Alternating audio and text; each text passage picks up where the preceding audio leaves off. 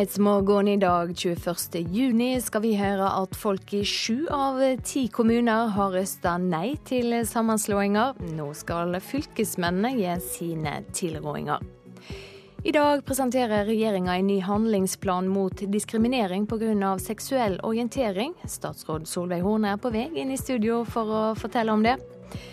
De ansatte ved Andøya flystasjon er frustrerte over forslaget om å legge ned arbeidsplassen deres. I dag krever de å få se forsvarsministeren sitt regnestykke. Og TV 2 og Altibox vil ikke ødelegge fotball-EM for seerne. Nå har de utsatt forhandlingsfristen for å få på plass en ny distribusjonsavtale. I studio i dag Silje Sande. Sju av ti kommuner sier nei til sammenslåing så langt. Drygt halvparten av norske kommuner har nå tatt stilling til sammenslåinger, og over 70% av de sier nei. Leder i kommunalkomiteen på Stortinget, Helge André Njåstad fra Fremskrittspartiet, sier han ikke er skremt av den høye nei-prosenten. Vi skulle gjerne sett at, eh, at enda flere kommuner var, var, kommet eh, lenger. Men på den andre sida har det starta en god prosess nå i, i hele Kommune-Norge som, som, ikke vil slutte. Eh, og selv om noen ikke fører i mål ved denne anledning, så er jeg rimelig trygg på at, at de dialogene som har vært de siste årene, vil fortsette. Og så vil man kanskje komme senere og si at vi vil bli en stor, god kommune som kan levere gode tjenester, vi òg, på et senere tidspunkt. Så det vil, vil helt sikkert bli kommunesammenslåinger òg etter 2018 eller 2020. Over 150 kommunestyrer har så langt sagt nei til sammenslåing, og grunnene til det er varierte.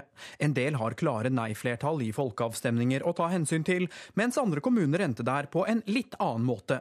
I Evenes kommune i Nordland stemte bare drøyt 18% for at kommunen skulle stå alene. Likevel endte kommunestyret opp med å vedta nettopp det. Det er en utfordring å forklare det. Sier ordfører i Evenes, Svein Erik Kristiansen fra Høyre. Vi hadde to alternativ som fikk eh, like mange stemmer under folkeavstemninga, ca. 8-39 hver. Og kommunestyret klarte ikke å, å enes om et flertall for den ene eller andre veien. og Da fikk flertallet i kommunestyret gikk for, eh, for egen kommune. Når alle kommuner har fattet sine vedtak, fristen er 1.7, skal så fylkesmennene komme med sine råd til nytt kommunekart. Njåstad mener den prosessen blir viktig. Det viktigste for fylkesmennene er jo å bruke sin kompetanse og vurdering av eh, hvordan kommunen er i stand til å levere tjenester i framtida. Det er det det handler om. Så Fylkesmennene skal jo først og fremst se på det, og ikke kun vurdere hva kommunestyrene har gjort. Akkurat det er nok ordfører Kristiansen i Evenes enig i. Han var selv tilhenger av at kommunen skulle slå seg sammen med Narvik, men opplevde altså at kommunestyret gikk for alternativet med færrest stemmer i folkeavstemningen. Hvis ikke vi som eh, kommunestyrepolitikere griper muligheten som vi har fått når vi har hatt muligheten å designe de kommunene som vi ønsker som er mest hensiktsmessige for lokalsamfunnene, så må noen over oss ta den beslutningen. Fylkesmennenes råd til Kommunaldepartementet er for øvrig bare det, et råd. Det blir opp til regjeringen å komme med den endelige anbefalingen, og Stortinget til å vedta det nye kommunekartet. Reportasjen var laga av Halvard Norum og Siv Sandvik. Og denne saka blir tema hos deg i Politisk kvarter også, programleder Bjørn Myklebust. Ja, kommunalminister Jan Tore Sanne kommer. Hva tenker han nå? Og så er det sesong for sommeravslutninger. I dag oppsummerer Venstre et turbulent halvår. Trine Skei Grande, partileder, kommer også til oss. Politisk kvarter kvart på åtte. Litt over en time, altså. Takk skal du ha, Bjørn. I dag presenterer regjeringa sin nye handlingsplan mot diskriminering pga. seksuell orientering, kjønnsidentitet og kjønnsuttrykk. Og hva er målet med en slik plan, likestillingsminister Solveig Horne? Det er å sette fokus på de utfordringene som personer med LHBTI-bakgrunn har. Eh, vi har kommet langt i Norge. Lovverket er på plass, som et samla storting vedtok i 2013. Men vi ser fortsatt at personer med innvandrerbakgrunn som har LHBTI, vi ser kunnskap ute på barnehager, skoler, i helsetjenester, at det er en utfordring. Og ikke minst òg det som går på, på hatkriminalitet for denne gruppa. Da må vi bare skynde oss å legge til at LHBTI står for lesbiske, homofile, biseksuelle, transseksuelle og interseksuelle personer. Hva er de eh, viktigste satsingsområdene i denne planen? Jeg har vært opptatt av at vi skal ha en handlingsplan som er konkret. Eh, og Derfor har jeg løftet opp eh, de som har innvandrerbakgrunn, barn og unge, hatkriminalitet. Og det er ca. 40 konkrete forslag som ligger på tvers av flere departementer, som skal gi både mer kunnskap, og som skal òg være med å, å, gi, eller, å, satse på de utfordringene som, som denne gruppa har, selv om vi har kommet langt i Norge. La oss ta det med innvandrerbakgrunn, da. For det går bl.a. inn for å få til en kompetanseheving både i asylsøknadsprosessen og på asylmottakene. Hvordan skal det skje? Vi vet at de LHBT-personene som har innvandrerbakgrunn, har større utfordringer både i miljøene, blant venner og i samfunnet. Og Derfor må vi ha mer kunnskap inn i asylmottakene. Vi må ha bedre fokus på når vi skal bosette, og vi må òg ha det inn i introduksjonsprogrammet, slik at eh, alle er klar over de rettighetene som LHBTI-personer har i Norge. Og det vil også jobbe med kunnskap og holdninger til seksuelle minoriteter i innvandrermiljø. Hvordan skal det gjøres? Nå har regjeringen en årlig integreringskonferanse som eh, dette blir naturlig at vi løfter opp. Det er viktig at alle som kommer til Norge er klar over at i Norge så har LHBTI-personer rettigheter. De skal bli aksepterte på samme linje som alle andre. Og når vi vet at de har større utfordringer, så er det viktig at denne handlingsplanen har konkrete tiltak opp mot denne gruppa. Men hvordan? Nei, Det er med å få mer kunnskap blant eh, de som jobber på asylmottakene. Men ikke minst er det å få informasjon ut til, miljøene. Og da må vi være der som vi, treffer de. Vi må òg ha informasjon om, om rettigheter. Og så er det viktig å se på når vi skal ta ut, eller bosette, og når vi skal også ta ut kvoteflyktninger, at vi har et større fokus på personer med LHBTI-bakgrunn. Oslo Pride starter forrige helg og pågår til og med kommende helg. Skal du være med på paraden gjennom hovedstaden? Ja, nå starta vi litt i går, og så gleder jeg meg til paraden på, på, lørdag. Det har jeg vært med på to ganger før, og det er en folkefest. Og jeg syns det er kjekt å få lov til å være med og markere den eh, si, avslutningen på denne mest, vårens mest fargerike uke. Eh, og jeg har òg oppfordra alle til å være med, spesielt eh, i denne situasjonen du ser det som skjedde i Orlando for litt over en uke siden. Så er det viktig at vi står sammen.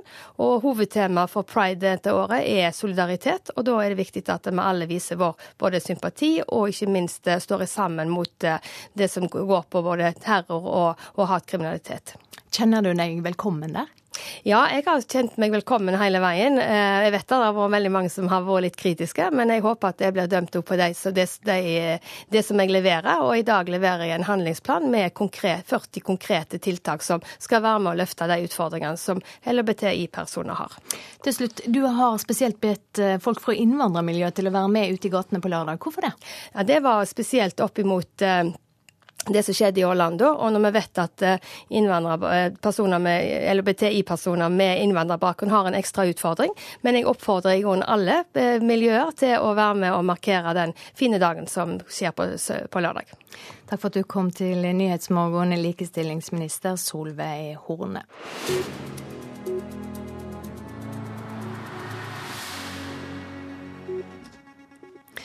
Vi skal høre at ansatte ved Andøya flystasjon stiller klare krav til forsvarsministeren når hun i dag står eh, ansikt til ansikt med dem. Før helga ble det kjent at regjeringa vil foreslå å legge ned arbeidsplassen deres. Tillitsvalgt Stein Håkon Eilertsen fra Norges offiserforbund sier mange ønsker svar fra statsråden i dag. Jeg tror hun vil bli møtt med en eh, del frustrasjon som går ut. så jeg har sagt at De får bare lufte seg og vil stå frampå der. Så får de bare stille de spørsmålene og få ut den frustrasjonen som plager de. For det er klart det har vært en trøkka stemning i lokalsamfunnet i helga. Fredag kom nemlig bekreftelsen på det de lenge har frykta. I langtidsplanen for Forsvaret anbefaler regjeringa at Andøya flystasjon legges ned og erstattes med en fremskutt base for maritime overvåkningsfly på Evenes. Flere hundre arbeidsplasser i kommunen står på spill, og Eilertsen er kritisk til regjeringas argumentasjon. Jeg vil si det så hardt at I møter er det et bestillingsverk som har gjort at eh, svaret skal være Evenes og finne tallene på et vis. Så jeg vil kreve at eh, tallene må vi få ut, så vi kan få se hva som ligger i dem. Nei, vi opererer ikke med bestillingsverk. Sier forsvarsminister Ine Eriksen Søreide, som i tillegg til Andøya besøker Evenes, Sortland og Harstad i dag for å møte ansatte og lokalpolitikere. Jeg mener at langtidsplanen legger godt til rette for å se hele regionen i en helhet. Så har jeg samtidig full forståelse for at det er noen som har fått et budskap som er vanskelig og krevende. og Derfor så ønsker jeg selvfølgelig også å møte de ansatte på Andøya. Til høsten skal planen behandles på Stortinget. Forsvarsministeren understreker at regjeringa ønsker å være åpen om prosessen, og at de allerede har delt en del informasjon men hele regnestykket blir ikke lagt frem på dagens møte. Det er ganske mange komplekse sammenhenger, så det å klare å presentere det på en god måte på kort tid kan være litt eh, utfordrende. Men vi ønsker selvfølgelig også å gjøre det tilgjengelig på en god måte. Både for de ansatte, for eh, Stortinget når de skal behandle, og så har vi også invitert ordføreren til å komme til Oslo og diskutere dette nærmere. Reporter her Ole Marius Rørstad. Da er det tid for å ta en kikk på dagens aviser. Det er for mye surr og leik i juni, mener skolebyråden i Oslo, Tone Tellevik Dahl fra Arbeiderpartiet. Hun sier til Aftenposten at skolemåneden juni må organiseres på en bedre måte. Elbiler kan være ei dødsfelle for redningspersonell, skriver Fedrelandsvennen. Elbilene kan være strømførende etter ulykker, og hvor ikke politi, brannvesen eller helsearbeidere vet sikkert hva de skal gjøre på ulykkessteder der elbiler er involverte. Fra 2017 vil skattedirektøren få informasjon om bankkontoene til nordmenn i over 50 land, forteller Dagsavisen. Det blir et viktig steg i kampen mot skatteunndraging, sier Hans Christian Holte til avisa. Fremskrittspartiet svekker Ernas autoritet, sier Knut Arild Hareide i KrF til VG, og trekker fram FrPs politiske spill i asylsaker. Bakgrunnen er at Erna Solberg og Sylvi Listhaug skal ha hatt en oppheta diskusjon over lunsjbordet om asylforliket på Stortinget.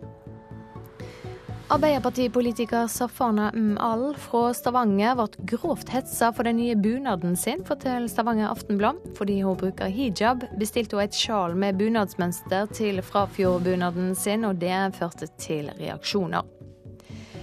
Hele Midt-Norge bosetter flyktninger, er overskrifta i dagens Adresseavis. For fem år siden sa halvparten av alle kommunene i Midt-Norge nei til flyktninger. Nå sier alle ja. Kostnadene er nær dobla for sjømatselskapene, skriver Dagens Næringsliv. Sjef i DNB Markets, Ottar Ertseid, advarer mot oljefella. At rekordpriser på laks gjør at næringa altfor lett aksepterer høye kostnader. Dagbladet presenterer 13 skjulte symptom på hjerteinfarkt. Det vanligste er brystsmerter, men både menn og kvinner bør vite at akutt hjerteinfarkt ikke alltid medfører slike smerter, sier en professor til avisa.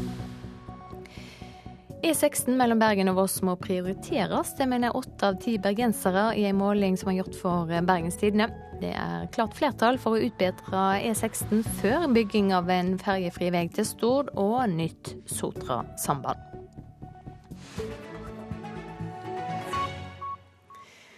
Så skal vi ha sport. Vil Den internasjonale olympiske komiteen, IOC, overprøve Det internasjonale friidrettsforbundet sitt vedtak om å utstenge Russland, eh, russiske friidrettsutøvere fra OL i Rio? Svaret på det kommer i dag. Forrige fredag bestemte Det internasjonale friidrettsforbundet at utestenginga av russiske friidrettsutøvere skal opprettholdes også under OL til sommeren. Nå har vi fått et eh, skikkelig utspill fra Det internasjonale friidrettsforbundet. Og så får vi ta det som et utgangspunkt og for diskusjonen. Og så får vi se hvor vi ender, som sagt. Det sa IOC-representant Gerhard Heiberg før helgen om Det internasjonale friidrettsforbundets vedtak. Russland har vært utestengt fra internasjonal friidrett siden november i fjor. I den samme perioden har Rune Andersen ledet et utvalg som skulle vurdere om stormakten har gjort nok for å bekjempe doping. Sist fredag kom svaret fra utvalget, et enstemmig nei. I dag er Heiberg og resten av IOC samlet i Lausanne for å avgjøre om de skal stille seg bak IAAFs avgjørelse om å opprettholde utestengelsen av russiske friidrettsutøvere. Visepresident i IOC John Coates har tidligere uttalt at han tror de vil gjøre nettopp det. Heiberg sier hensynet til andre idrettsgrener også vil bli lagt til grunn når avgjørelsen skal tas. Det er jo kommet frem den senere tid at i en rekke forskjellige idretter har russerne blitt tatt i doping. Det er nok helt tydelig at dette er eh, noe som har vært satt i system i Russland. Vi har null toleranse som utgangspunkt. Vi er nødt til å slå til. Vi er nødt til å ta konsekvensene av eh, det vi mener på papiret. Og da kan eh, også en diskusjon komme til å omfatte andre idretter også. Den avgjørelsen kommer klokka tolv i dag. Reporter her Hilde Liengen. Klokka er 6.48. Dette er hovedsaker i nyhetene nå. Unge som fester i Syden får tilbud om å ruse seg på lystgass. Farlig, sier eksperter. I USA er en 19-åring arrestert etter et forsøk på å drepe den republikanske presidentkandidaten Donald Trump. Her hjemme har sju av ti kommuner sagt nei til sammenslåinger så langt.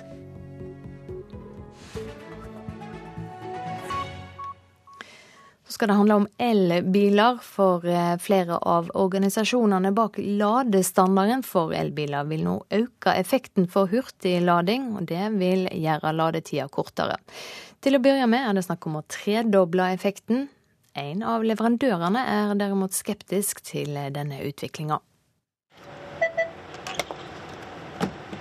Sånn, da var vi klare til en ny tur. Thomas Odd Berge har akkurat lada opp elbilen sin på en hurtigladestasjon. Ja, sånn som denne, som kan lade på en halvtime, det er helt topp. Han tykker likevel at ladinga kunne vært hurtigere. Ja, jeg er veldig fan for at det skal gå fortere. Nå kan Berge få det som han vil. Flere av organisasjonene bak ladestandarden for elbil vil nå øke effekten for hurtiglading, slik at ladetida blir kortere. Det er til glede for mange, bl.a. Petter Haugneland i Elbilforeninga. Nå tar det en sånn 20-30 minutter for, hvis du har tomt batteri, å fylle opp til 80 eh, Det er nok innenfor det som er greit. Eh, men det som er viktig, er jo at du har valgmuligheter. Eh, at Skal du stå lenge, så kan du lade sakte. Og skal du bare videre fortest mulig, så, så kan du lade raskere. Leier i ladeutstyrsleverandøren Fortum Charge og Drive, Jan Haugen Ile, er derimot mer skeptisk til den økende ladestandarden. Dagens ladestandard ligger på 50 kW, og Ile tror det rett og slett ikke er behov for høyere effekt. For med høyere effekt vil også prisen stige. For nå ligger, eh, Hvis du ser på, på en 50 kW hurtiglader, så ligger eh, kostnaden per mil på eh, rundt 6 kroner for kunden. Og at den da kanskje kommer opp i rundt 15 eller noe i det området, eh, er mye sannsynlig. Og da, da vil jo da prisen for strøm til en elbil bli på nivået eller høyere for bensin og diesel. Han frykter det vil føre til at flere velger å ikke bruke elbil. Per dags dato så er det sånn at uh, mange har uh, også en uh, bil med bensin eller diesel. og Hvis de da skal på en langtur, og finner ut at de sparer hundrelapper ved å kjøre dieselbilen, ja, så, så velger, sier de at de velger det i hvert fall. Haugneland i Elbilforeninga tror folk vil være villige til å betale prisen det koster for hurtigere lading, siden han ikke lader like ofte som når han fyller drivstoff. Det som er viktig, er jo at du lader jo stort sett hjemme eh, til en lav pris. Så, så om du hurtiglader eh, en sjelden gang, så vil jo den månedlige prisen være veldig mye lavere enn bensin og diesel uansett. Så så her må du se på totalkostnaden, ikke bare enkeltvis eh, hurtiglading. Tilbake på hurtigladestasjonen er Thomas Odd Berge ikke i tvil om at han ville betalt mer for hurtigere lading. Hadde det tatt ti minutter, så kunne jeg kjørt helt hjem. Da hadde det vært helt suverent. Sånn som i dag, så må jeg nok stoppe en halvtime til en eller annen plass og få lada. Og det var eh, Teknisk Ukeblad som først omtalte denne saka. Reporter her, Martin Torstveit. Faren for at TV-seerne kan gå glipp av fotball-EM, er med på at TV 2 og Altibox nå utsetter fristen for å komme fram til en ny distribusjonsavtale. Men etter mesterskapen står 400 000 husstander fremdeles i fare for å miste kanalene fra TV 2. Dette er vanskelig og kan ta tid, sier kommunikasjonssjef i TV 2, Jan Petter Dahl. Det er fortsatt utfordrende eh, forhandlinger, men eh, dialogen er konstruktiv. og Derfor så ble vi eh, begge enige om at vi skal forhandle videre i dagene som kommer. Dagens avtale om distribusjon av TV 2s kanaler gjennom Altibox gikk opprinnelig ut 1.6 men partene utsatte fristen til midnatt i natt. TV 2s kommunikasjonssjef Jan Petter Dahl bekrefter at forhandlingsfristen denne gang er utsatt på ubestemt tid. Herlig åpning av Sveits, som eh, presser høyt. Kabay med en eh, praktfull takling. Halvparten av kampene fra fotball-EM går på TV 2. Skulle det bli en konflikt og svarte skjermer, understreker TV 2 at kampene også er tilgjengelige på deres nett-TV Sumo. Altibox opplyser på sin side at kampene i tillegg går på svenske TV-kanaler. Likevel innrømmer Jan Petter Dahl at faren for å miste fotballseerne spiller inn når beslutningen om å forlenge forhandlingsfristen nå er tatt. Det er jo ingen tvil om at fotball-EM er veldig viktig for eh, seerne våre. Og, og, det er klart at det er jo en, eh, selvfølgelig også en, en, grunn til at man nå strekker seg langt for å ha en, en gode forhandlinger og en konstruktiv dialog for at ikke TV-seerne skal bli ramma av dette. Fra Frankrike ruller den ene fotballkampen etter den andre over skjermen i disse dager.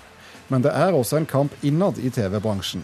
Men Jan Petter Dahl vil ikke gå i detaljer om det. Dette er ikke utelukkende bare pris, men dette dreier seg også om en del eh, tilleggstjenester som, som ligger i en sånn type stor distribusjonsavtale. Det Dahl snakker om er bl.a. Sumo, TV 2s nett-TV og strømmetjeneste. Da TV 2-direktør Olav T. Sandnes i begynnelsen av mai i år forkynte at kanalen må spare 350 millioner kroner, varslet han samtidig en storsatsing på Sumo. Vi eh, tilpasser oss det seermønsteret som vi ser i økende grad tilta. Og det er at seere ønsker å se innhold der de er, eh, når de vil. Sandnes skal ifølge nettstedet Kampanje ha uttalt på et allmøte i TV 2 at de står foran et slag mot distributørenes egne nett-TV-løsninger. TV 2 greide å få i havn en avtale med Kanal Digital i slutten av mai. Trolig står også reforhandlinger med Get nå for tur. Men enn så lenge kan altså fotballfansen puste lettet ut. Sveits virker å være fornøyde.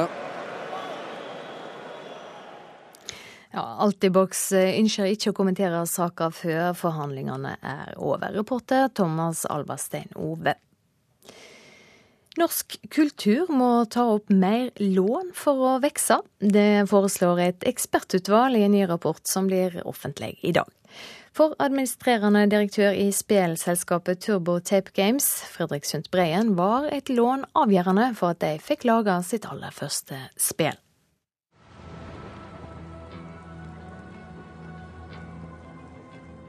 Naval War Arctic Circle har ikke solgt i astronomiske mengder. Vi har mange eksempler fra norsk spillindustri som har solgt mer. Likevel, han ville aldri vært det foruten. Siden Naval War har selskapet produsert spill solgt til flere hundre tusen mennesker verden over.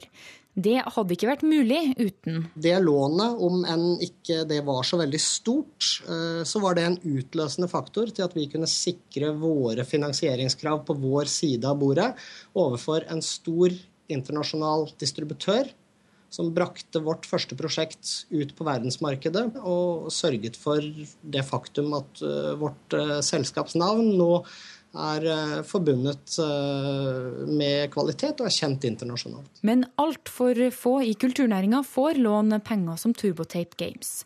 Det sier professor ved Institutt for kommunikasjon og kultur på BI, Anne-Britt Gran. Man må, hvis man vil ha økt verdiskaping og økt eksport i denne næringen, ta noen grep, sånn at man så å si sparker dem i gang. I dag overrekker hun flere innspill til kulturministeren til hvordan norsk film, musikk, spill, teater, design og arkitektur kan bli større. Et av forslagene er at myndighetene må gjøre det lettere for kulturnæringa å ta lån. Det er bl.a. for å sikre vekst i bransjen, og at rettigheter til f.eks. musikk blir i Norge. Norge er svake på å beholde rettigheter. Liksom de klassiske eksemplene nå er jo Kygo, som har signa i, USA, og, og, selvfølgelig det klassiske eksempelet med Jo Nesbø, som har svensk agentur. Så noe av disse pengene kan man tenke seg skal brukes til å beholde eh, norske altså rettigheter på på, norske hender. Eh, og det er jo litt pussig at det er jo lettere å få penger i kreativ næring enn å få låne penger eh, til det samme. Og det mener jeg det er usunt. Jeg hører om mange som opplever det som en stor utfordring og ikke får mulighet til også en lånegaranti. Så nå skal jeg gå gjennom alle de forslagene som eh, de ulike bransjene eh, presenterer. Jeg gleder meg veldig til å motta de eh, innspillene eh, i dag. Og selvsagt vil jeg ikke utelukke noen ting på forhånd. Jeg kommer til å gå inn med et åpent sinn og vurdere alle de forslagene som legges fram. Det sa kulturminister Linda Hofstad Helleland, som får disse innspillene klokka 11 i dag. Reporter Marit Gjelland. Så et værvarsel fra Meteorologisk institutt. Det blir regn i nordlige områder østafjells og i Trøndelag først på dagen. Ellers i Sør-Norge spredde byger, men også en god del sol østafjells og i Rogaland. Så vest liten kuling på kysten på Østlandet. Ellers på Vestlandet for det meste skyer og noen regnbyger. Sør og sørvest opp i frisk bris. Fra Stad og nordover til Trøndelag blir det stiv kuling.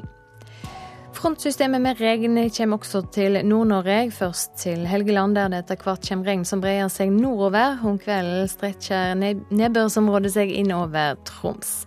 Ellers i Troms og Finnmark er det venta delvis skyet opphold.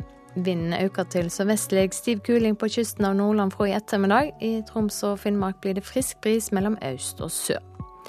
På Spitsbergen er det venta sørvest frisk bris, i nord liten kuling. Vestsida får perioder med regn, og det blir stort sett opphold i øst. Så har vi temperaturene målt klokka fem. Svalbard lufthavn fem. Kirkenes og Vardø sju. Alta åtte. Tromsø-Langnes sju. Bodø tolv. Brønnøysund 15. Trondheim-Værnes og Molde hadde begge 13 grader. Bergen-Flesland 12. Stavanger 11. Kristiansand-Kjevik 12. Gardermoen 13. Lillehammer, der har vi ikke fått inn temperaturen. Røros 10 grader, og Oslo-Blindern, der var det målt 14 grader for to timer siden.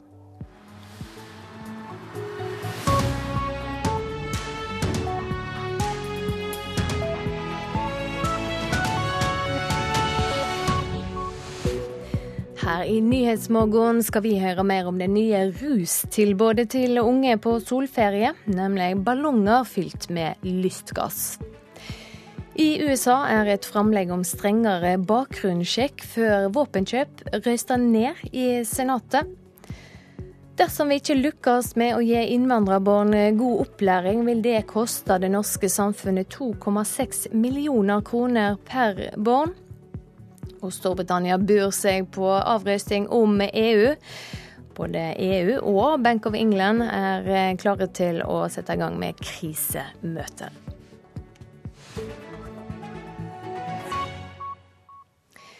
Festglade ungdommer i Syden får nå tilbud om ballonger fylte med lystgass. Både fagpersoner og forsikringsselskap advarer mot trenden, som i verste fall kan føre til hjerneskade eller død.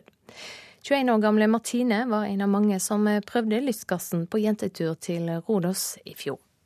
Det bare stopper ut, og så får du helt totalt datterkramp. Og du skjønner ikke helt hva som skjer. Og du bare, og du bare ler og ler, og du ler av alt.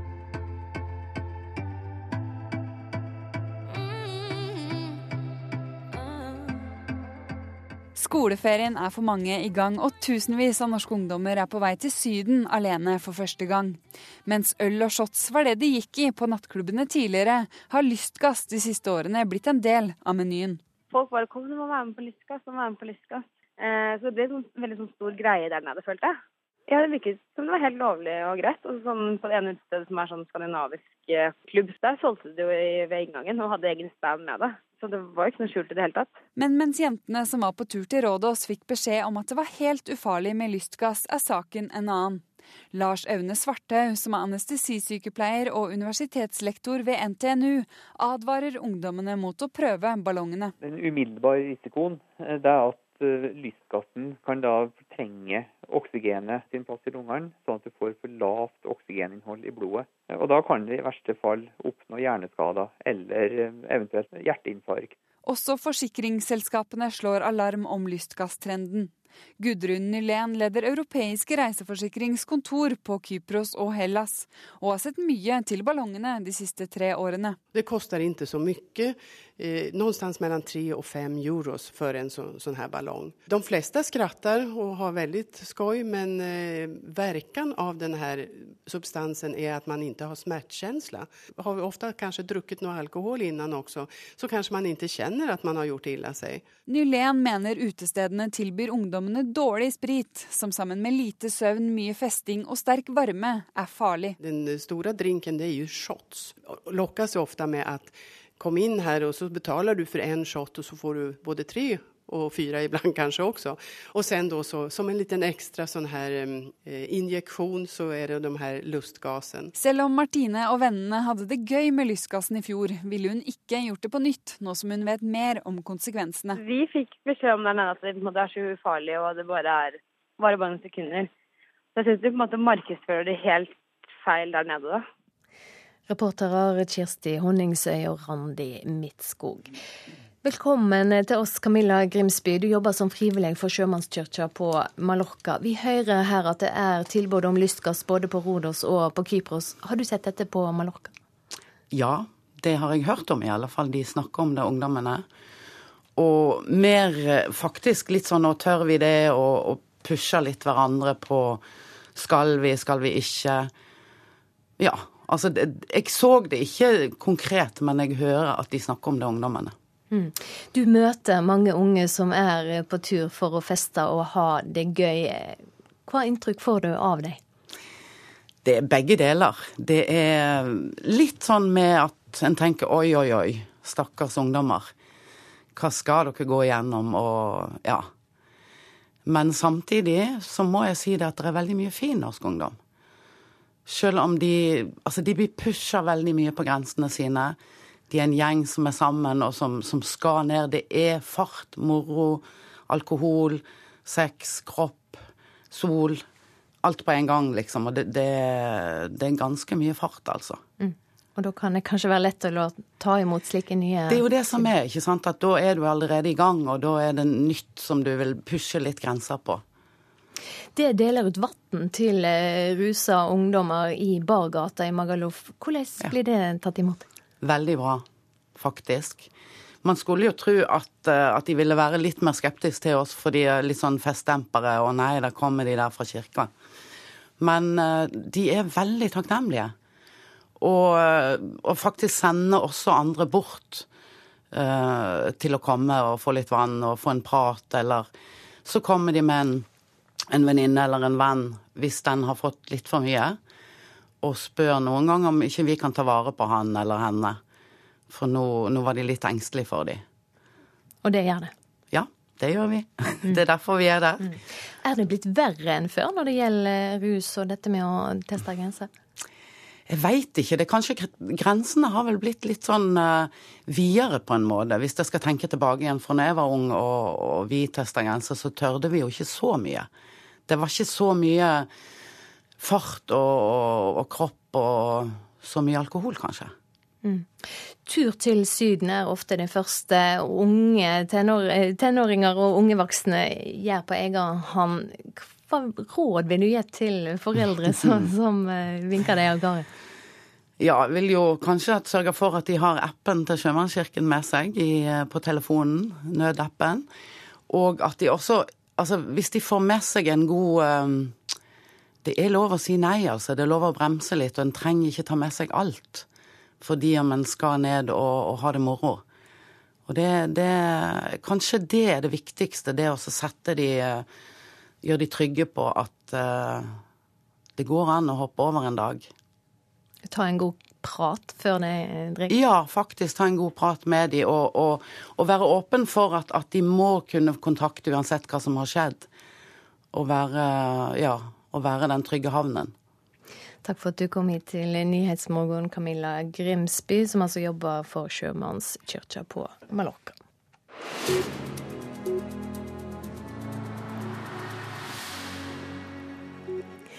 Til Storbritannia nå, der kritiserer leder av Arbeiderpartiet, Jeremy Corbyn, EU, samtidig som han oppfordrer folk om å røyste for fremdeles medlemskap. Corbyn sa i går at han håper på at Storbritannia blir værende i unionen, men utelukker ikke at det også kan gå den andre veien. Now, I'm hoping there's going to be a Remain vote. There may well be a Remain vote. There may well be a Leave vote. Lederen for det britiske arbeiderpartiet Labour, Jeremy Corbyn, har flere ganger gjennom valgkampen fått kritikk for å være usynlig i EU-saken. Mange har ment at årsaken er at han ikke er særlig begeistret for nettopp EU, men har måttet stille seg på forbli-siden fordi det er partiets politikk. Men i går ble han spurt ut av Sky News politisk redaktør og publikummere. Der sa han rett ut at selv om han støttet fortsatt medlemskap, så må EU forandre seg. I am not a lover of the European Union. I think is a rational decision. We should stay in order to try and improve it. But does that mean I change my views on the points that were raised on public ownership of railways and things like that? Absolutely not. Jeg har ingen stor kjærlighet til EU, sa Corbyn, men sa at Storbritannia må fortsatt være medlem, slik at det kan forandre unionen. At jeg støtter medlemskap, betyr ikke at jeg har forandret mening om det jeg mener er galt, sa han videre. Corbyn har tidligere kritisert EU for å være for markedsorientert og for lite opptatt av arbeideres rettigheter og for lite opptatt av miljø. Og dette gjentok han i går. EU, result, I want to see better working conditions across Europe. I want to see better environmental protections across Europe. Dermed er også Jeremy Corbyn den første på bli-siden av debatten som velger å åpent kritisere EU samtidig som han ber folk om å stemme for fortsatt medlemskap. Arbeidsinnvandring og press på velferdssystemet har vært en av de aller viktigste sakene i denne valgkampen. De som vil forlate EU, har sagt at nok er nok, og at innvandringen må begrenses. Corbyn er uenig. People coming in, um, uh, work and contribute here. The vast majority of EU nationals that make their homes in Britain are actually working and paying tax and not drawing benefits. De fleste som kommer hit, kommer for å jobbe og betale skatt, ikke for å heve trygd, sa Corbyn. Men hans viktigste budskap var likevel at det er mye som er galt med EU, men at den beste måten å gjøre noe med det, er å bli værende som medlem. Det var et noe annet budskap enn statsministeren David Cameron, som dagen før hamret inn viktigheten av medlemskap for økonomi, arbeidsplasser og stabilitet. Men begge jobber altså mot samme mål. Om de lykkes eller feiler, vet vi fredag morgen. Utfallet kan også få store konsekvenser for deres stillinger i de respektive partiene. Espen Aas, London. Ja, Avrøstinga skjer altså på torsdag. Både EU og Bank of England forbereder nå krisemøter. Dersom britene melder seg ut av EU, får det ikke bare store konsekvenser for Storbritannia, men også for resten av Europa. Og sjefanalytiker i Nordea, Erik Bruse, hva slags økonomiske følger vil det få for Storbritannia å gå ut av EU? Bedriftene i Storbritannia vil være usikre på hva slags eh, handelsregime de vil ha framover, hva slags markedstilgang de vil ha. Så de vil bli mer forsiktige, de vil investere mindre. De vil være mer forsiktige med å ansette folk. Og det blir dårligere økonomiske tider, høyere arbeidsledighet på kort sikt. Eh, og så skal man jo, og det tar mange år, forhandle fram et nytt handelsregime med EU. Og hva de langsiktige effektene blir, er jo helt avhengig av hvordan det, det handelsavtalen blir, og det, det er det ingen som vet. men Sannsynligvis så vil det også ramme britisk økonomi på lengre sikt, men her, det er mer usikkert. Men om vi snur det da og ser fra den andre sida, hva betyr det for EU dersom Storbritannia trekker seg ut? Ja, Det blir litt det samme at de, de har jo eksport til Storbritannia, som, som, nok vil bli rammet. Men jeg tror det store spørsmålet for EU det er om dette setter i gang lignende krav i andre land, altså at Nederland f.eks. krever eh, folkeavstemning. Da vil det skape mistillit til hele eurosystemet. For vi skal huske Storbritannia har jo ikke euroen, de har jo en EU light-versjon. Så hvis dette betyr at man begynner å tvile på om store euroland vil bli værende, da kan det få store negative konsekvenser for, for hele verden og for EU-systemet. Om vi ser det fra oss, da. Hva, hva vil et eh, brexit bety for Norge?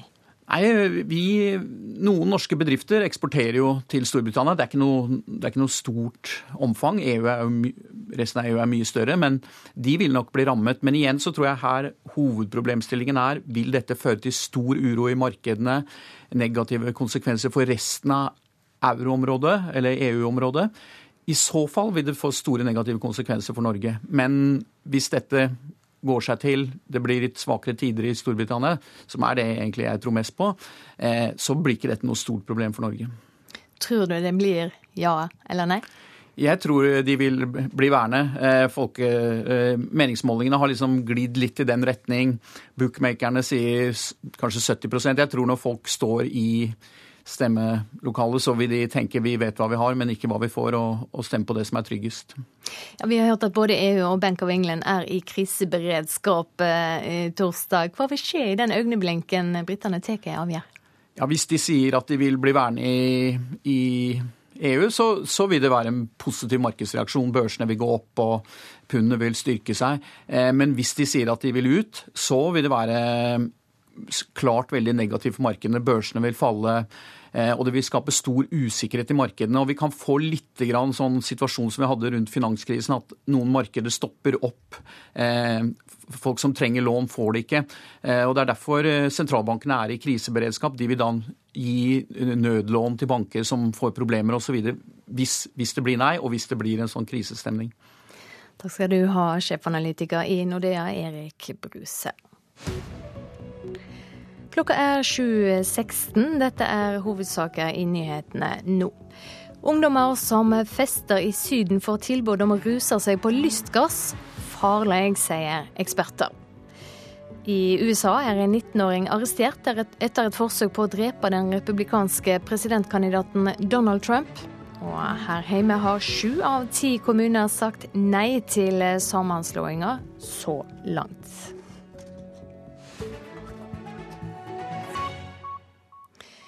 I USA har senatet røysta nei til framlegg om å øke løyvingene til og utvide bakgrunnssjekken av personer som ønsker å kjøpe våpen.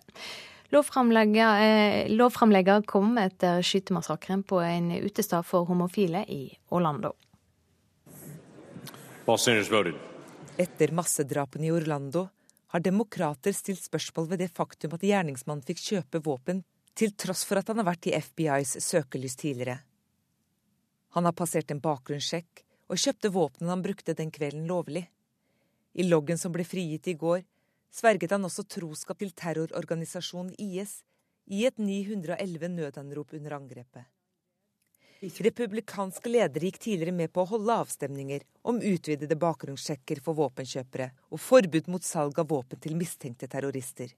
Republikanerne har flertall i Senatet og har sammen med våpenlobbyen NRA tidligere nektet enhver form for endring i våpenlovene, ettersom de mener det bryter med Grunnlovens rett til å bære våpen.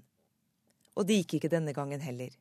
Senatet i USA stemte mandag mot forslagene om å utvide bakgrunnssjekken for personer som ønsker å kjøpe våpen, og avstemningen fulgte hovedsakelig gamle skillelinjer.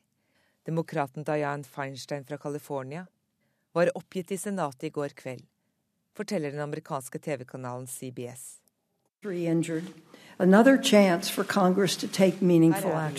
En annen masseskyting. Denne gangen den største historien. 49 døde, 53 skadet. Reporter her Maria Hasselgaard. Og en 19-åring eh, er arrestert i USA etter at han prøvde å stjele pistol til en eh, politimann på et av eh, Donald Trumps valgmøter. Den britiske mannen sier han ville skyte og drepe den republikanske presidentkandidaten. Det skjedde på et valgmøte i Las Vegas sist lørdag.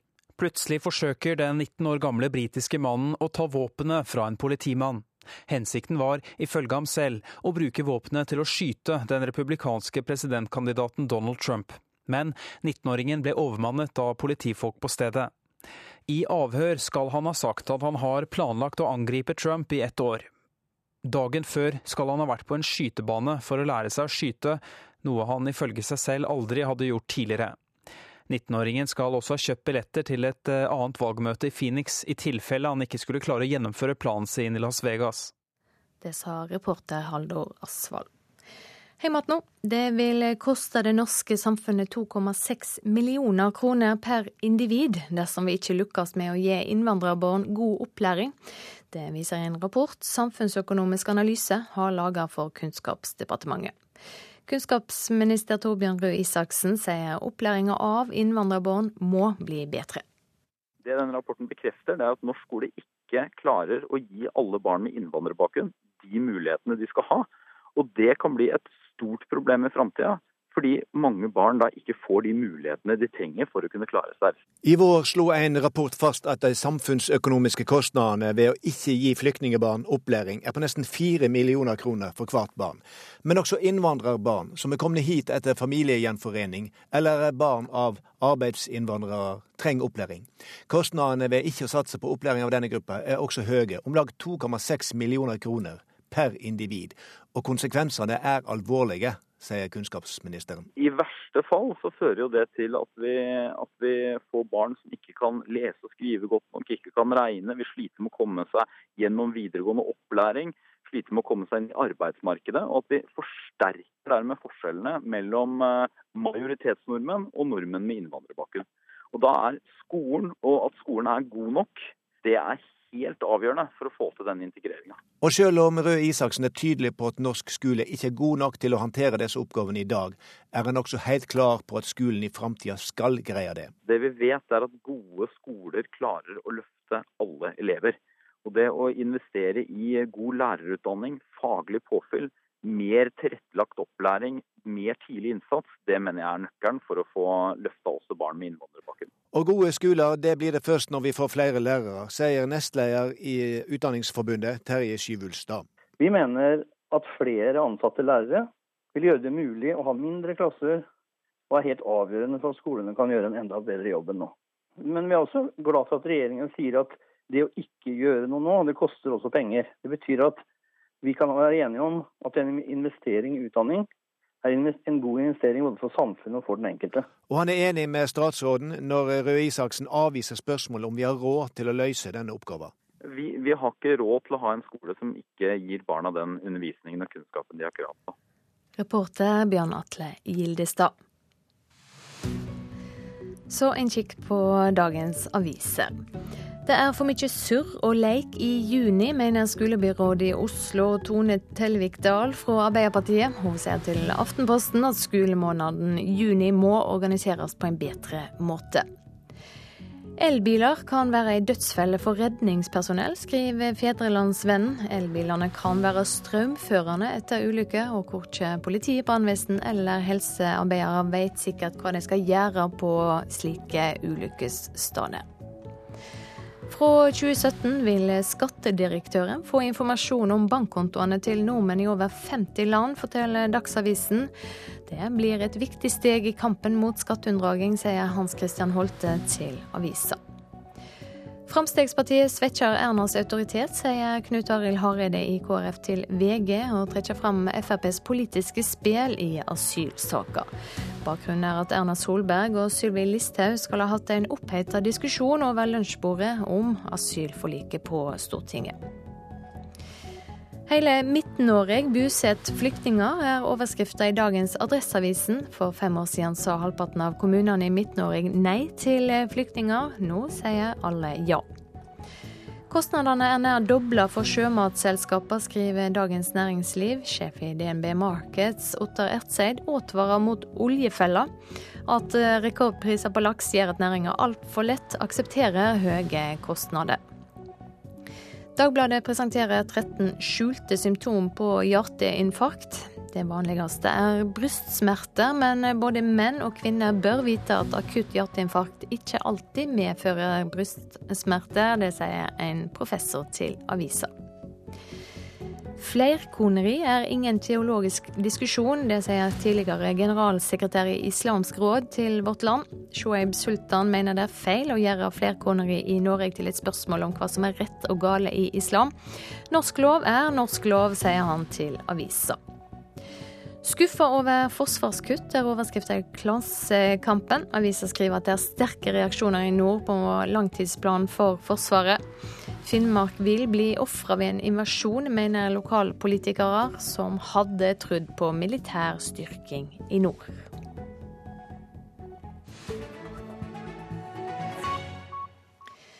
Sørlandet sykehus ber Riksantikvaren om å redusere fredningskravene av de gamle sykehusbygningene i Arendal, bl.a. for å unngå smittefare.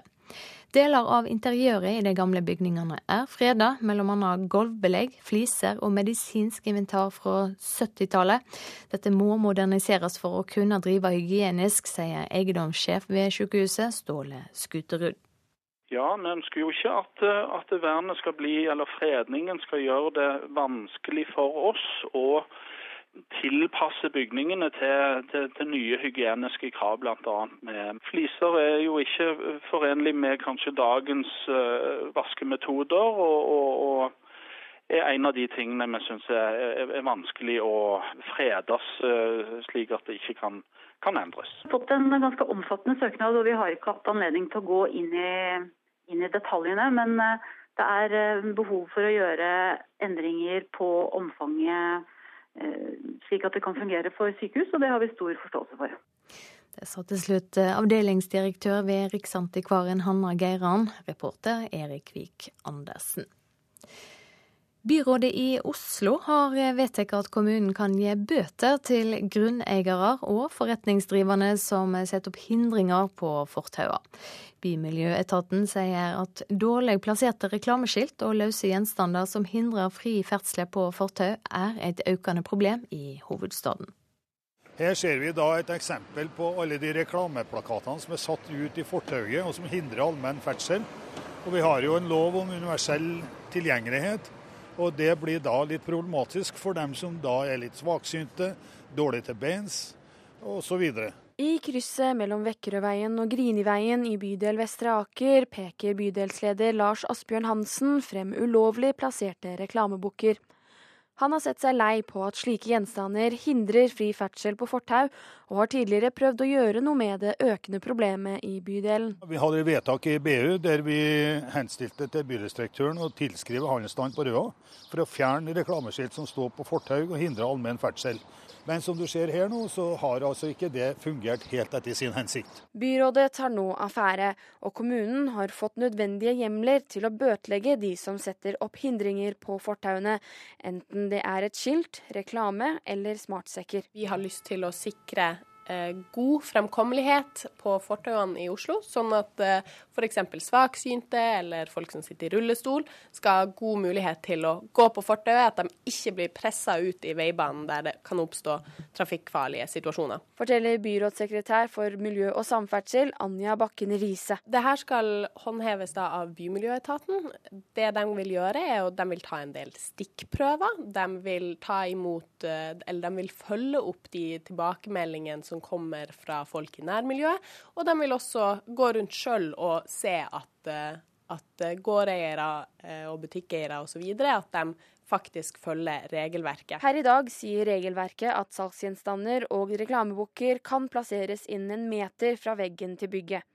Dersom gjenstander gang på gang legges ut lenger ut enn dette, kan det bety bøter mellom 1000 og 2000 kroner.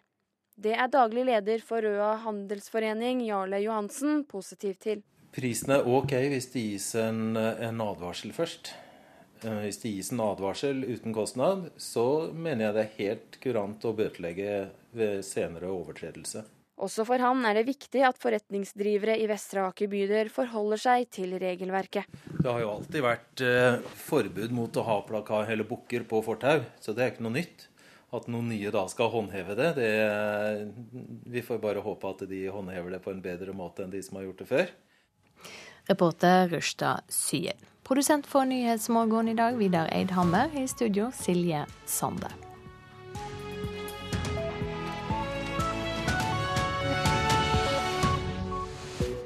Og her i Nyhetsmorgen skal vi høre mer om den nye rustrenden blant unge på solferie.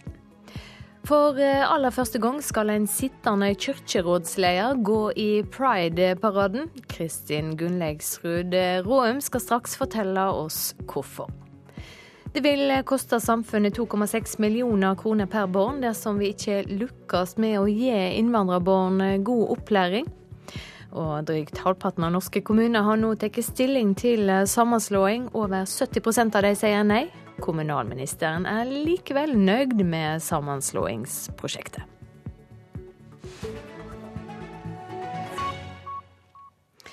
Unge som fester i Syden får tilbud om lystgass på utesteder der. Både fagpersoner og forsikringsselskap advarer om at dette kan føre til hjerneskade eller død. Martine på 21 år var på jentetur til Rodos i fjor. Hun var en av mange som prøvde lystgass. Og du skjønner ikke helt hva som skjer. Og du bare, og du bare ler og ler, og du ler av alt.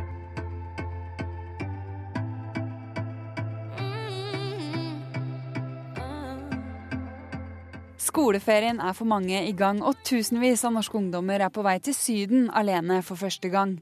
Mens øl og shots var det de gikk i på nattklubbene tidligere, har lystgass de siste årene blitt en del av menyen.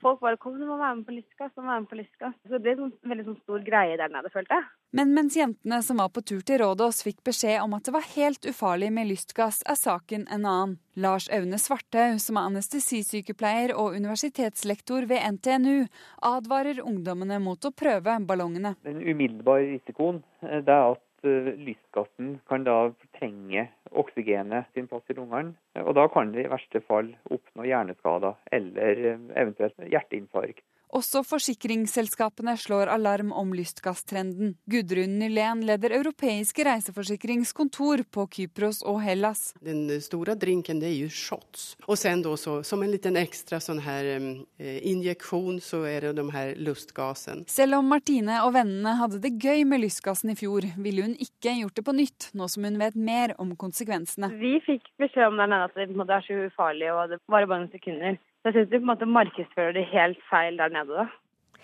Reporterer eh, Kirsti Honningsøy og Randi Midtskog.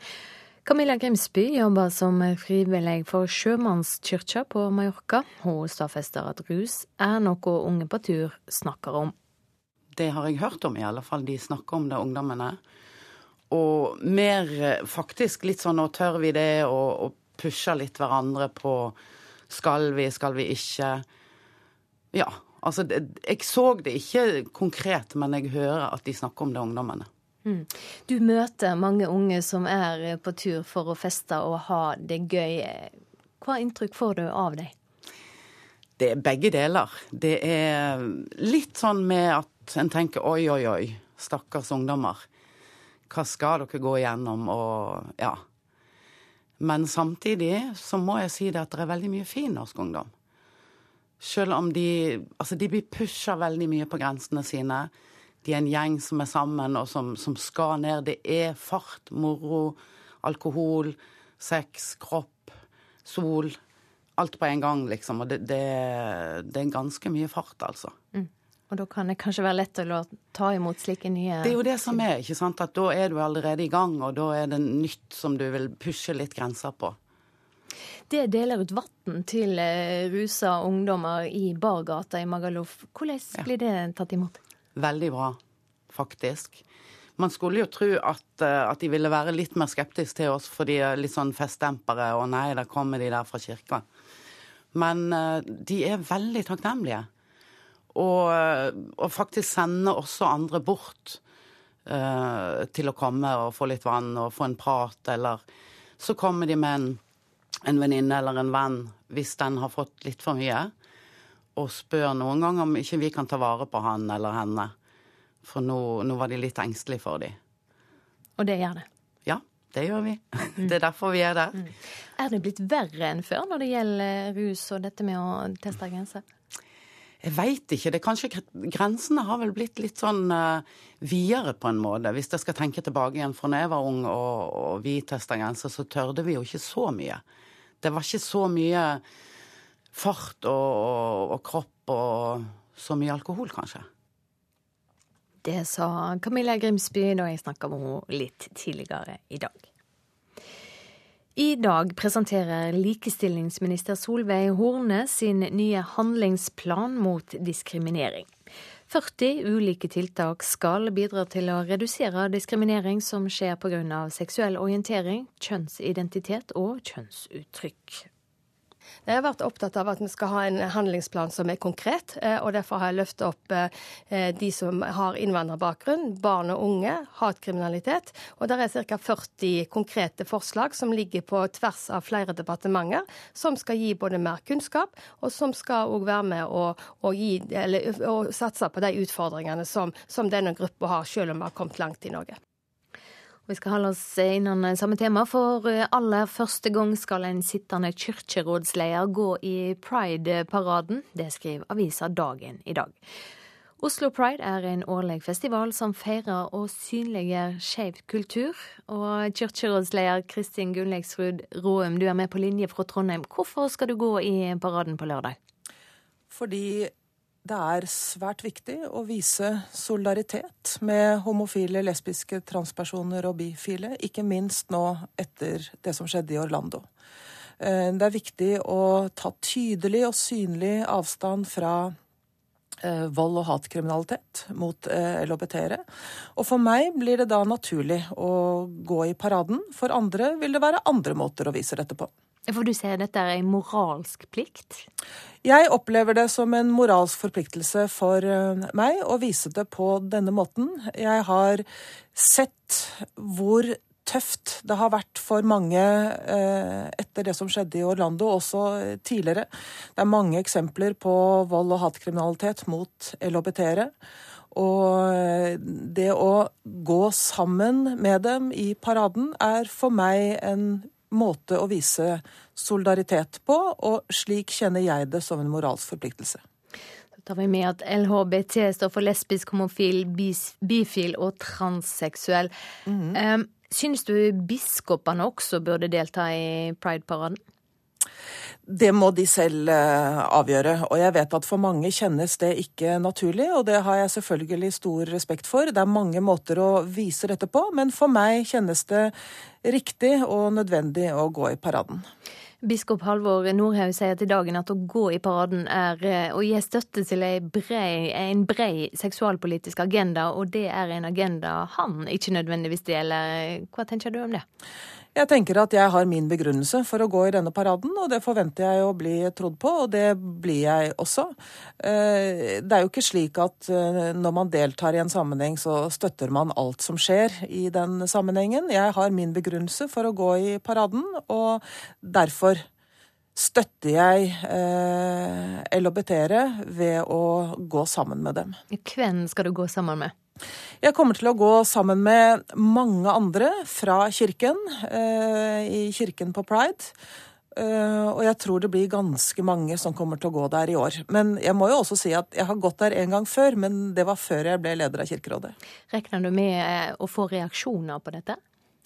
Det kommer jeg nok kanskje til å få, og det syns jeg er helt greit. Og det snakker jeg gjerne om med dem som har reaksjoner. Takk for at du var med her i Nyhetsmorgen, Kristin Gunnleiksrud Råum.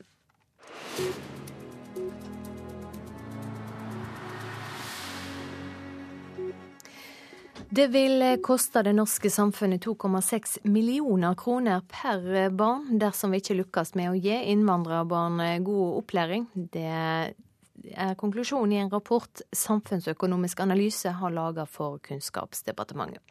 Kunnskapsminister Torbjørn Røe Isaksen vedgår at norsk skole ikke gir disse barna god nok opplæring i dag. Det denne rapporten viser, er at selv om mye er bra i norsk skole, så klarer vi ikke å gi barn med minoritetsbakgrunn, innvandrerbakgrunn, en god nok opplæring, sånn at de kan klare seg like godt som eh, andre norske barn.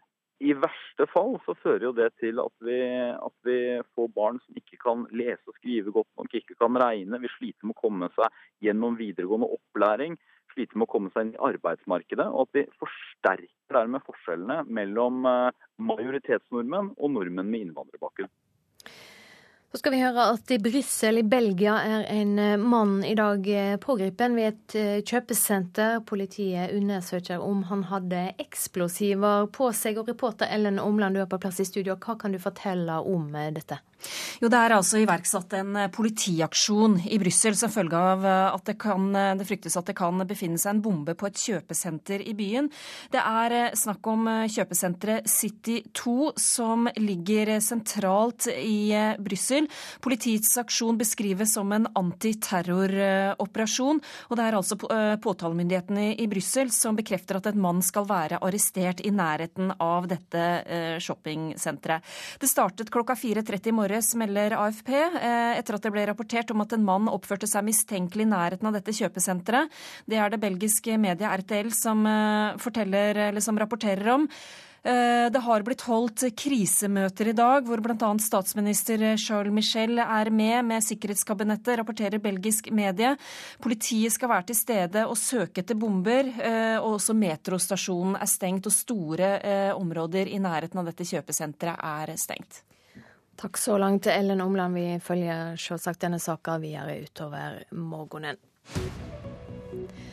Klokka er straks 8.45. Dette er hovedsaker nå. Unge som fester i Syden får tilbud om lystgass på og utenfor utesteder. Det er svært farlig, advarer ekspertene. En mann er altså pågrepet i Belgia. Politiet har satt i verk en antiterroraksjon. Mannen ble pågrepet ved et kjøpesenter, og han kan ha hatt eksplosiver med seg. Og i dag presenterer likestillingsminister Solveig Horne sin nye handlingsplan mot diskriminering som skjer pga. seksuell orientering. Sju av ti norske kommuner sier nei til sammenslåing. Det er statusen når kring halvparten av kommunestyrene i landet har tatt sine avgjørelser. Leder av kommunalkomiteen på Stortinget, Helge André Njåstad fra Fremskrittspartiet, sier han ikke er skremt av den høye nei-prosenten. Selv om noen ikke fører i mål eh, ved denne anledning, så er jeg rimelig trygg på at, eh, at de dialogene som har vært de siste årene, vil fortsette. Og så vil man kanskje komme senere og si at eh, vi vil bli en stor, god kommune som kan levere gode tjenester, med òg, på et senere tidspunkt. Så det vil, vil helt sikkert bli kommunesammenslåinger òg etter 2018 eller 2020. Over 150 kommunestyrer har så langt sagt nei til sammenslåing, og grunnene til det er varierte. En del har klare nei-flertall i folkeavstemninger å ta hensyn til, mens andre kommuner endte der på en litt annen måte. I Evenes kommune i Nordland stemte bare drøyt 18% for at kommunen skulle stå alene. Likevel endte kommunestyret opp med å vedta nettopp det. Det er en utfordring å forklare det. Sier ordfører i Evenes, Svein Erik Kristiansen fra Høyre. Vi hadde to alternativ som fikk eh, like mange stemmer under folkeavstemninga, ca. 8-39 hver. Og kommunestyret klarte ikke å, å enes om et flertall for den ene eller andre veien. og Da fikk flertallet i kommunestyret gikk for, eh, for egen kommune. Når alle kommuner har fattet sine vedtak, fristen er 1.7, skal så fylkesmennene komme med sine råd til nytt kommunekart. Njåstad mener den prosessen blir viktig. Det kan jo tenkes at det, er kommuner som ser at eh, naboene slår seg sammen til store enheter, og at eh, vår kommune vil få problemer med å få nok fagkompetanse til å levere gode tjenester. og Derfor vil se, se nytten av å ha en dialog med Fylkesmannen om kanskje, kanskje vi skal hive oss på et spor eh, i tolvte time, vi òg. Reportere Halvard Norum og Siv Sandvik. Kommunalminister Jan Tore Sanner er nøyd med sammenslåingsprosjektet. Jeg smiler fordi jeg ser at det går i riktig retning. Vi har jo faktisk fått til noe mer på to år enn det man klarte på de foregående 20. Bare i går så sa Ski og Oppegård ja, Moss og Rygge sa ja, Øygarden, Fjell og Sund sa ja. I forrige uke sa Bø og Sauharad eh, ja, og i dag så kommer det flere kommuner på plass. Og dette er bra for, for innbyggerne. Jeg har flere ganger sagt at eh, kommunereformen ikke går over. Og grunnen til at det ikke går over, det er rett og slett fordi Kommune-Norge står overfor noen grunnleggende utfordringer som ikke går over. Og derfor så er jeg glad for at det nå går i riktig retning. Men du, sju av ti av kommunestyrene sier nå nei til kommunesammenslåing. Det blir knapt noen store regionkommuner som du har vært opptatt av. og Dette øh, var kanskje ikke en reform for å slå sammen Holmestrand og Hoff. og Er det ikke en viss fare for at du kan framstå litt som komiske Ali, hvis du mener at du er på rett vei da? Du, eh, Sånne karakteristikker det syns jeg egentlig er ganske meningsløst. Fordi at eh, kommunereformen det handler om tjenestetilbudet til innbyggerne. Og vi vet at eh, det blir flere eldre, det blir flere av de eldste eldre, det blir færre yrkesaktiv alder. Det er noen grunnleggende utfordringer som må håndteres. Men svar på spørsmålet, hovedbildet peker jo en litt i en annen retning av en stor kommunereform, gjør det ikke det da? Jo, men eh, jeg er realist, og jeg har hele tiden visst at dette er, er krevende. Og hvis du for to år siden hadde, hadde, sagt at Bø og Sauherad kom til å slå seg sammen, at Ski og eh, Oppegård kom til å, å si ja til hverandre, at du får en stor kommune i Indre Sunnfjord, eh, at du får mange sammenslåinger også i Trøndelag, så tror jeg nok mange ville ristet på hodet. Det som er viktig for meg, det er at det går i riktig retning. Men i motsetning til Komisk Ali, så har du våpen du kan bruke. Du har tvang du kan bruke for å få rett. Jeg har hele tiden sagt eh, at kommunereformen skal bygge på frivillighet eh, og gode lokale prosesser. Og En viktig grunn til det, det er erfaringene fra, eh, fra de reformene vi har hatt tidligere. Forrige store kommunereform, som kom på begynnelsen av 60-tallet. Der var det noen i Oslo som tegnet kartet. Det tok 20 eh, år. Kommunalminister Jan Tore Sanner ble intervjuet av Bjørn Myklebust.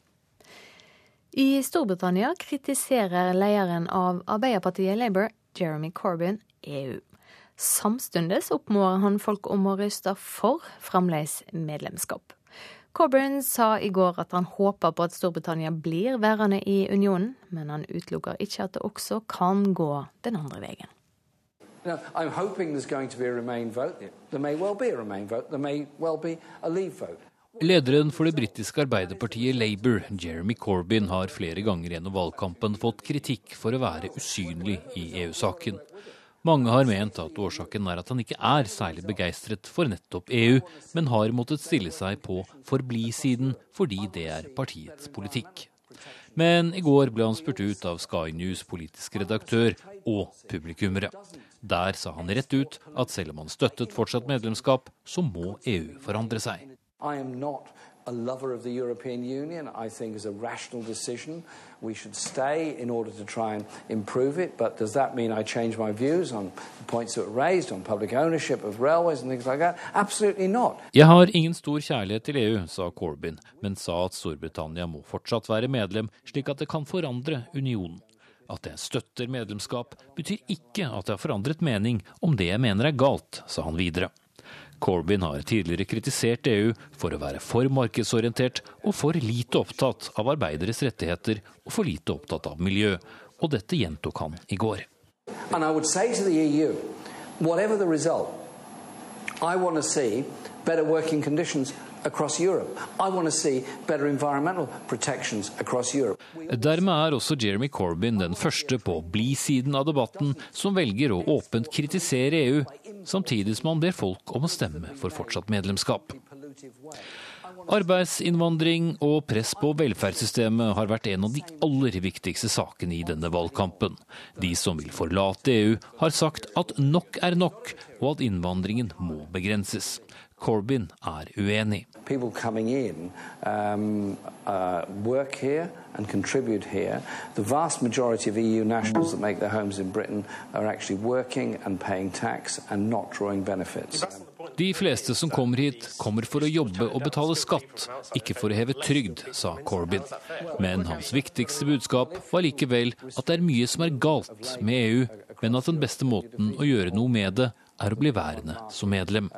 Det var et noe annet budskap enn statsministeren David Cameron, som dagen før hamret inn viktigheten av medlemskap for økonomi, arbeidsplasser og stabilitet.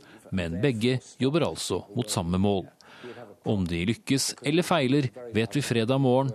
Utfallet kan også få store konsekvenser for deres stillinger i de respektive partiene. Espen Aas, London. Og dersom britene melder seg ut av EU, vil det få store følger for næringslivet og finansinstitusjonene i Storbritannia. Det sier sjefanalytiker i Nordea, Erik Bruse. Bedriftene i Storbritannia vil være usikre på hva slags eh, handelsregime de vil ha framover, hva slags markedstilgang de vil ha. Så de vil bli mer forsiktige, de vil investere mindre. De vil være mer forsiktige med å ansette folk. Og det blir dårligere økonomiske tider, høyere arbeidsledighet. På kort sikt. Eh, og så skal man jo, og dette er mange år, forhandle fram et nytt handelsregime med EU. Og hva de langsiktige effektene blir, er jo helt avhengig av hvordan det, det handelsavtalen blir, og det, det, er det ingen som vet. Men sannsynligvis så vil det også ramme britisk økonomi på lengre sikt. Men her, det er mer usikkert. Men om vi snur det da og ser fra den andre sida, hva betyr det for EU dersom Storbritannia trekker seg ut? Ja, Det blir litt det samme at de, de har jo eksport til Storbritannia, som, som, nok vil bli rammet. Men jeg tror det store spørsmålet for EU det er om dette setter i gang lignende krav i andre land. Altså at Nederland f.eks. krever eh, folkeavstemning. Da vil det skape mistillit til hele eurosystemet. For vi skal huske Storbritannia har jo ikke euroen, de har jo en EU light-versjon. Så hvis dette betyr at man begynner å tvile på om store euroland vil bli værende, da kan det få store negative konsekvenser for, for hele verden og for EU-systemet. Hva vil et eh, brexit bety for Norge?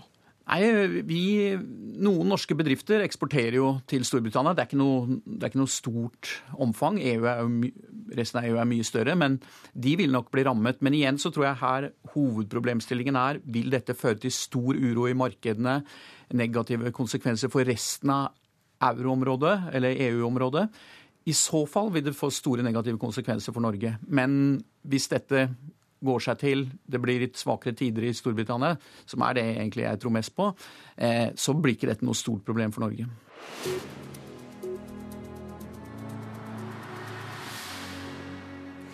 Juni måned er blitt en kose- og surremåned med for lite struktur i skolen. Det mener skolebyrådet i Oslo, Tone Tellevik Dahl. Hun vil gjøre noe med dette, det skriver Aftenposten.